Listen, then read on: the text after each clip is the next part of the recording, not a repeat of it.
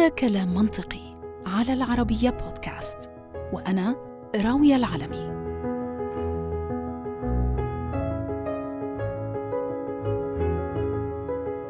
ممكن تكون هاي الفترة وهي السنة تحديداً من أكثر الفترات اللي شهدت ورح تشهد تقلبات وتغيرات في بيئات العمل المختلفة.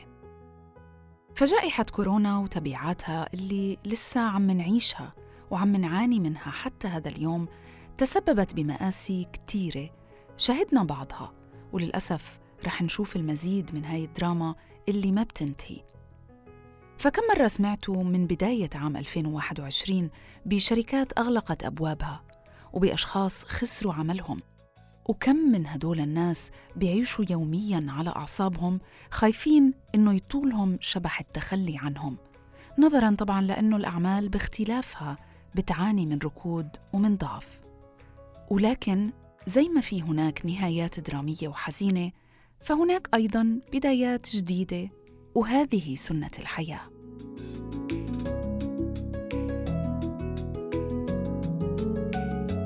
ففي حين أن هناك شركات انتهت هناك أيضا شركات رح تبدأ. ومع بداية كل عمل جديد أو قسم من عمل استحدث فلا بد من خلق فريق أعمال لتقوم بتأدية المطلوب. وفرق العمل عادة ما بتتكون من مجموعة من الأشخاص بيجمعهم ولو حتى نظرياً مجموعة من المهام أو الأهداف. ولكن عملية خلق فريق ناجح وفعال ليست بالعملية السهلة. وعادة ما بتكون أكبر التحديات اللي بتواجه قادة الأعمال.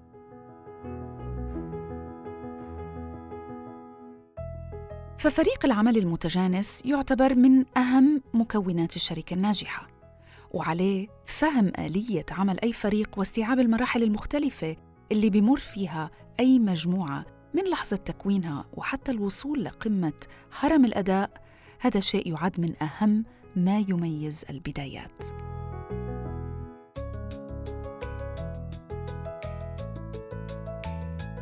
في حلقتنا اليوم رح نناقش أحد أشهر نماذج تشكيل فريق العمل هو نموذج طور من منتصف ستينيات القرن الماضي على إيد عالم النفس والباحث في علوم الموارد البشرية بروس توكمان. هو أسماء مراحل توكمان لتطوير المجموعات توكمان Stages of Group Development. وبحسب هاي النظرية فإنه أي مجموعة كانت لابد إنها تمر بأربع مراحل أساسية متسلسلة. كل منها بتنتهي لبناء لبنة جديدة لوضع أساس قوي بتقوم عليه الشركات الناجحة. هاي المراحل الأربعة هي أولاً مرحلة التشكيل forming. بعدين بيجي مرحلة الصراع storming.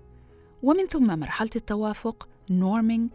وفي المرحلة الأخيرة هي مرحلة الإنجاز أو الإنتاجية performing.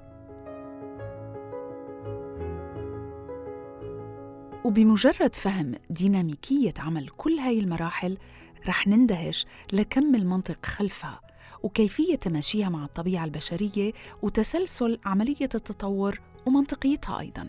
وحتى ما أطول عليكم خلونا نخوض في شرح كل مرحلة بالتفصيل على حدة ونلمس النقاط الأساسية الثلاثة لكل مرحلة. النقاط الأساسية هي الشعور شعور الأفراد سلوكهم خلال المرحلة وأخيراً كيفية أدائهم للمهمة المطلوبة. هاي النقاط الأساسية رح تتكرر في كل مرحلة من تشكيل الفريق يعني في مرحلة التشكيل ومن ثم الصراع التوافق وفي النهاية الإنجاز. في كل مرحلة من هدول رح يكون في شعور مختلف للأفراد رح يكون في سلوك مختلف خلال هاي المرحلة وأيضاً رح يكون في أداء مختلف بحسب المهمة المطلوبة.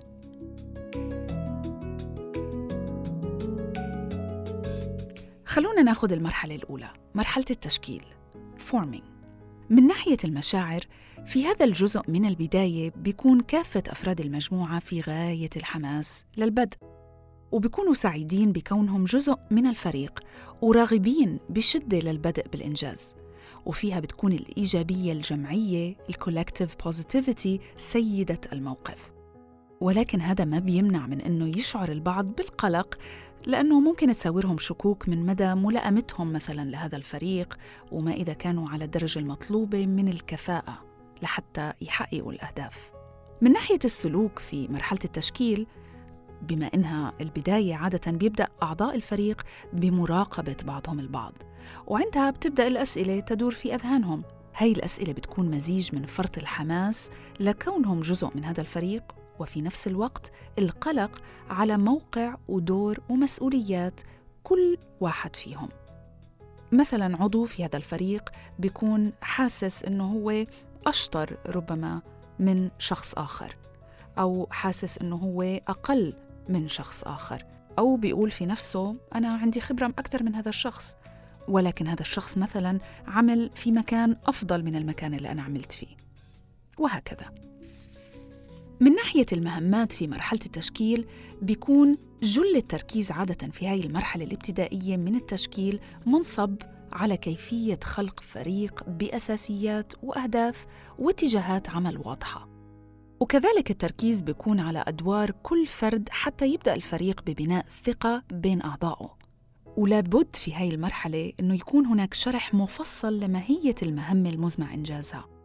يعني قائد الفريق عليه أنه يشرح الهدف الاستراتيجي من تشكيل هذا الفريق أو الهدف الأكبر من خلقه وطريقة العمل المثلى لتحقيق الهدف المرجو من هذا الفريق. وعليه بيتم تشكيل الهوية المطلوبة والمتوقعة من الإدارة العليا طبعاً للعمل.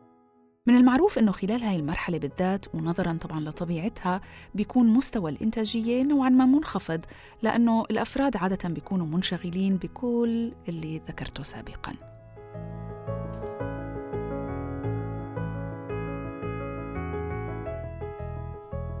نيجي للمرحلة الثانية اللي هي مرحلة الصراع الستورمينج من ناحية المشاعر في هاي المرحلة بيبدأ الفريق بمحاولة السعي لنحو تحقيق أهدافه وبيصدم الأفراد بأنهم ممكن ما يحسوا بنفس مستوى الإثارة والتوقعات اللي شعروا فيها في المرحلة السابقة.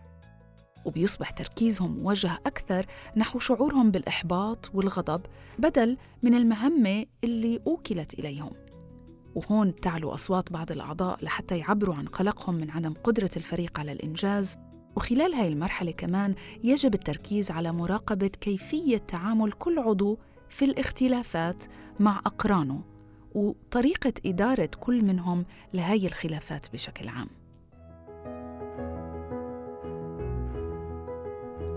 من ناحية التصرفات في مرحلة الصراع هاي المرحلة بيصبح فيها أفراد الفريق نوعا ما أقل أدبا وحساسية من المرحلة السابقة. فتأثير الإحباط والغضب بيظهر بشكل جلي على الجميع وهذا بيجي كنتيجة للقصور في تحقيق الأهداف والخلافات على الأهداف أيضا وطريقة تحقيقها والأدوار والتوقعات بتصبح أكثر حدة. فمثلا بيكون في شخص عم بيشتكي وبشكل علني من بطء عملية الإنتاج نتيجة لضعف التفاعل مثلا مع الأعضاء أو الأقسام الأخرى أو حتى مع المدير المسؤول. بل إنه في هذه المرحلة بتطفو على السطح انتقادات للأشخاص ولطبيعة أيضاً المهمة المطلوبة منهم. أما من ناحية المهمات في هاي المرحلة فهاي المرحلة بتتطلب إعادة التركيز على الأهداف لأنه إعادة تكسير الأهداف الكبرى لأهداف أصغر ممكن يسهل بالفعل تحقيق هاي الأهداف. وممكن يحتاج الفريق في هاي المرحلة لتطوير المهارات المتعلقة بالمهمة. وبنفس الوقت الاتفاق على تبسيط عملية صنع القرارات وكذلك مهارات إدارة الخلافات بينهم. ومش مستغرب أنه يتم إعادة تعريف أهداف الفريق والمهمات والوظائف لكل فرد لحتى يتمكن الجميع من تخطي مرحلة الإحباط السائدة واللي تحدثت عنها قبل قليل.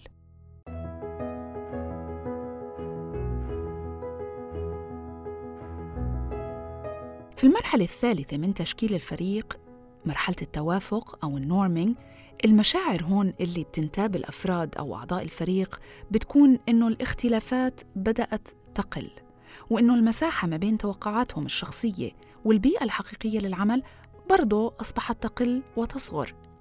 فإذا نجحوا في صنع توقعات أكثر مرونة في تفاعلهم كفريق تصبح بيئة العمل أكثر راحة للجميع وتصبح مساحة إبداء الرأي الفردية والمشاعر أيضا أكثر سهولة وهذا طبعا نتيجة لزيادة نسبة التقبل للآراء المختلفة وبيبدأ الفريق بالنظر لوجهات النظر المتنوعة كأحد أسباب قوتهم كوحدة وليست كأحد دواعي الخلافات. والنقد البناء أيضا ما بين الأعضاء يصبح مقبول ومرحب فيه وهون بيشعر الجميع كجزء من الفريق وبتزيد نسبة السعادة الشخصية كنتيجة لتماسك أعضاء هذا الفريق. أما بالنسبة للتصرفات في هاي المرحلة فبتبدأ تاخد منحى إيجابي بالطبع لأنه بتتضافر جهود الجميع لحل المشكلات والتحديات القائمة. ولزيادة التناغم بين الأفراد وأيضا التواصل يصبح أكثر فعالية وبنبرة أكثر هدوء وأكثر صبر. وهنا بيرتفع معدل تبادل الأفكار والآراء وتصبح عادة أخذ المشورة عرف متداول. ويصبح أيضا التركيز على تحقيق النتائج المطلوبة هو المهمة الأكبر للجميع.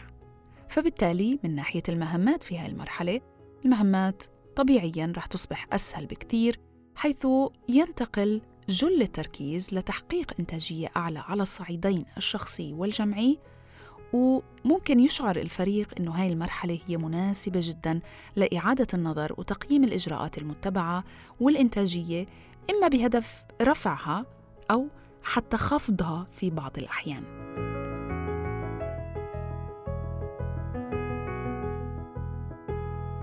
المرحلة الرابعة والأخيرة من تشكيل الفريق هي مرحلة الإنجاز أو البرفورمينج من ناحية المشاعر بيصبح الفريق هون في مرحلة الرضا عن تقدمهم وعن إنجازاتهم كمجموعة وبيتبادل وجهات النظر الشخصية والجمعية بشكل طبيعي ويصبح الجميع على دراية بنقاط قوة وضعف كل عضو من أعضاء الفريق.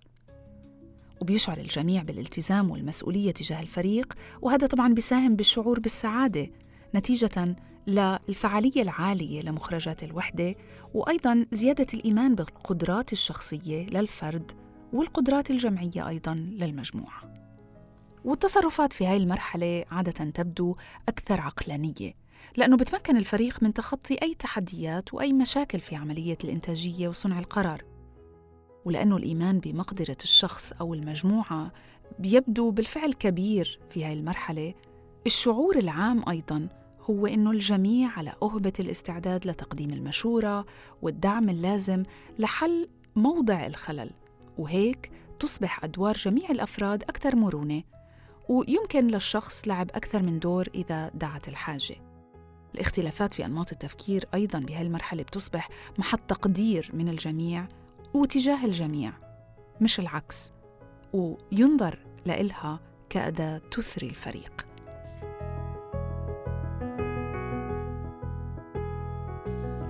المهمات في هذه المرحلة مرحلة الإنجاز فبتكون سهلة. الفريق بيحقق نتائج مذهلة في تقدمه نحو تحقيق أهدافه والالتزام بالمهمة بيصبح عالي للغاية. كما أن قدرات الأفراد الشخصية والإيمان فيها بتكون في أعلى درجاتها منذ بداية الرحلة. وهون يصبح لزاما على الفريق أنه يحافظ على هاي المستويات عن طريق السعي المستمر للتقدم أكثر على كافة الأصعدة. بنقدر نقول بأنه هاي المرحلة مرحلة الإنجاز هي أجمل مرحلة من مراحل تشكيل الفريق.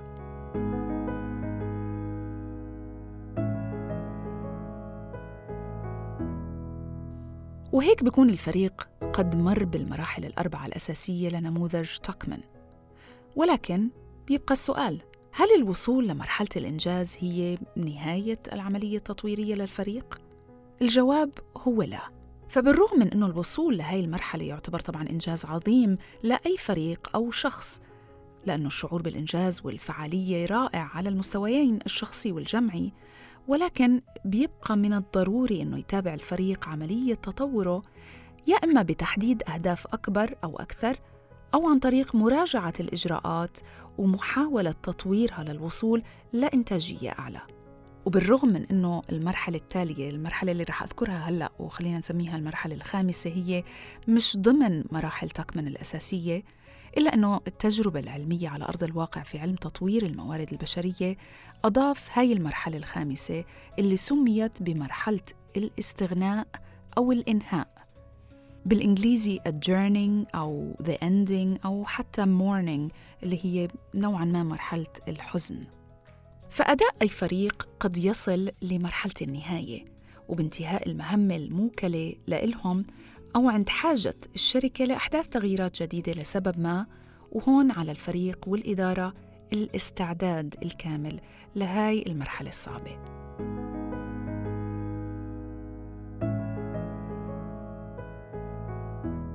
إذا المرحلة الخامسة هي مرحلة الإنهاء أو the ending. من ناحية الشعور بيكون عادة الشعور خليط من القلق والريبة والضغط وهذا طبعا نتيجة حتمية لفكرة حل الفريق والخوف من المجهول لعدم معرفة شو الدور والمهمات والمسؤوليات اللي رح توكل لكل فرد بعد إعادة تشكيل الفريق أو بعد إنهائه. البعض أيضا ممكن يشعر بالحزن على نهاية جزء اعتبر بالفعل سعيد من حياتهم العملية بالرغم طبعا من رضاهم عن أدائهم الشخصي وأداء الفريق أيضا كوحدة ولكن بتكون المشاعر متضاربة ومختلطة وهي بتكون العنوان الأبرز لهي المرحلة. أما السلوك في مرحلة الإنهاء هذه فقد يسبب قلة في التركيز على العمل للبعض وهذا رح يأثر سلباً بالطبع على الإنتاجية.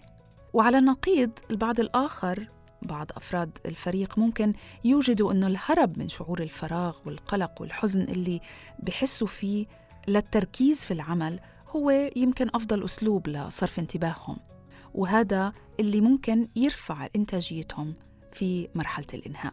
أما بالنسبة للمهام فعلى الفريق أنه يقر بحقيقة أنه الإنهاء قادم لا محالة وأنه هاي المرحلة الانتقالية رح تاخد أشكال مختلفة من حيث التأثير على أفرادها وعشان هيك على الفريق خلالها أنه يركز على مهمات رئيسية رح أشرح لكم إياها. أولاً يركز على إنهاء أي مهمات جمعية في أقصر وقت ممكن. ثانياً عليه أنه يركز على تقييم الأفراد والمهمات المنجزة وهذا طبعاً لاستخلاص الدروس والعبر evaluation يعني وتقديمها طبعا للإدارة بنية إعادة دراستها لحتى تستفيد الفرق الجديدة القادمة من هاي المعلومات. وثالثا وهي نقطة الحقيقة أنا وجدتها جميلة ولطيفة لأنه بتقول بأنه لازم يتم التركيز على التأكد من إقامة احتفال ما تقديرا لجهود الأفراد وللفريق عن المرحلة المنتهية واللي بتمثل خاتمة في ذهن الأشخاص عادة عن مرحلة مضت بنجاح. فمن المهم جدا نعمل هذا احتفال احتفال الوداع في النهاية.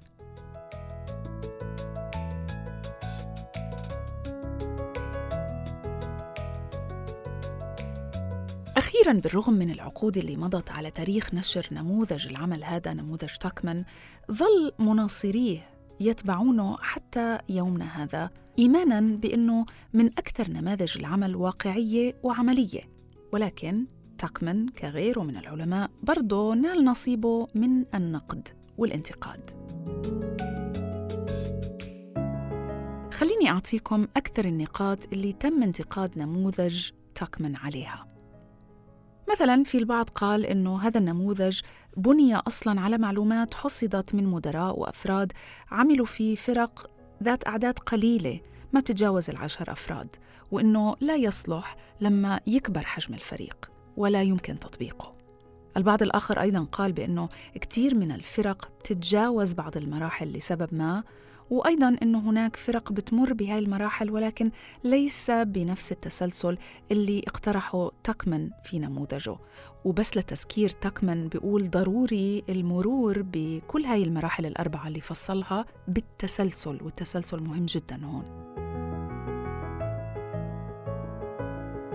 بعض الانتقادات الأخرى تحدثت عن أنه حقيقة أنه إدخال عضو أو اثنين لمجموعة بتمر بالمراحل أو وصلت لمرحلة الإنجاز مثلا هذا ممكن يرجع كامل الفريق للمرحلة الأولى.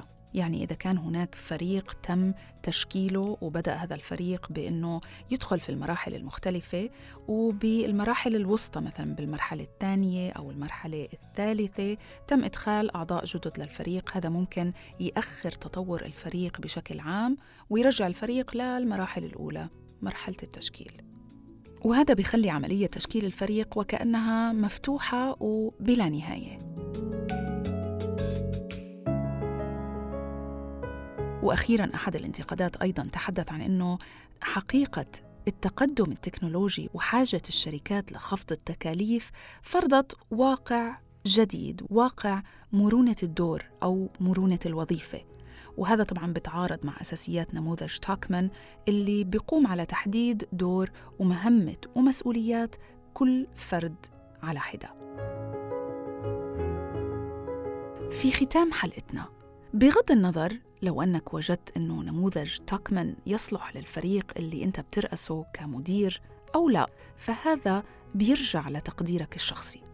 لكن من المهم أنه تعرف أنه وضع مجموعة من الأشخاص الموهوبين ضمن فريق عمل واحد هذا ما بيعني أبداً بالضرورة النجاح. فقيادة وتنظيم هاي المجموعة لضمان توليفة ناجحة يقع دائماً على عاتق قائد الفريق بالطبع وعليه ملاحظة وتقويم الفريق وهاي مهمة صعبة ومعقدة في الحقيقة. وفهم أيضا ديناميكية عمل الفريق ممكن تكون الأداة الأهم لتحقيق هدف الوصول لوحدة قادرة على الوصول إلى آخر إمكانياتها وتحقيق النجاح المرجو منها. أشكركم ودام دائما النجاح حليف فريقكم بإذن الله.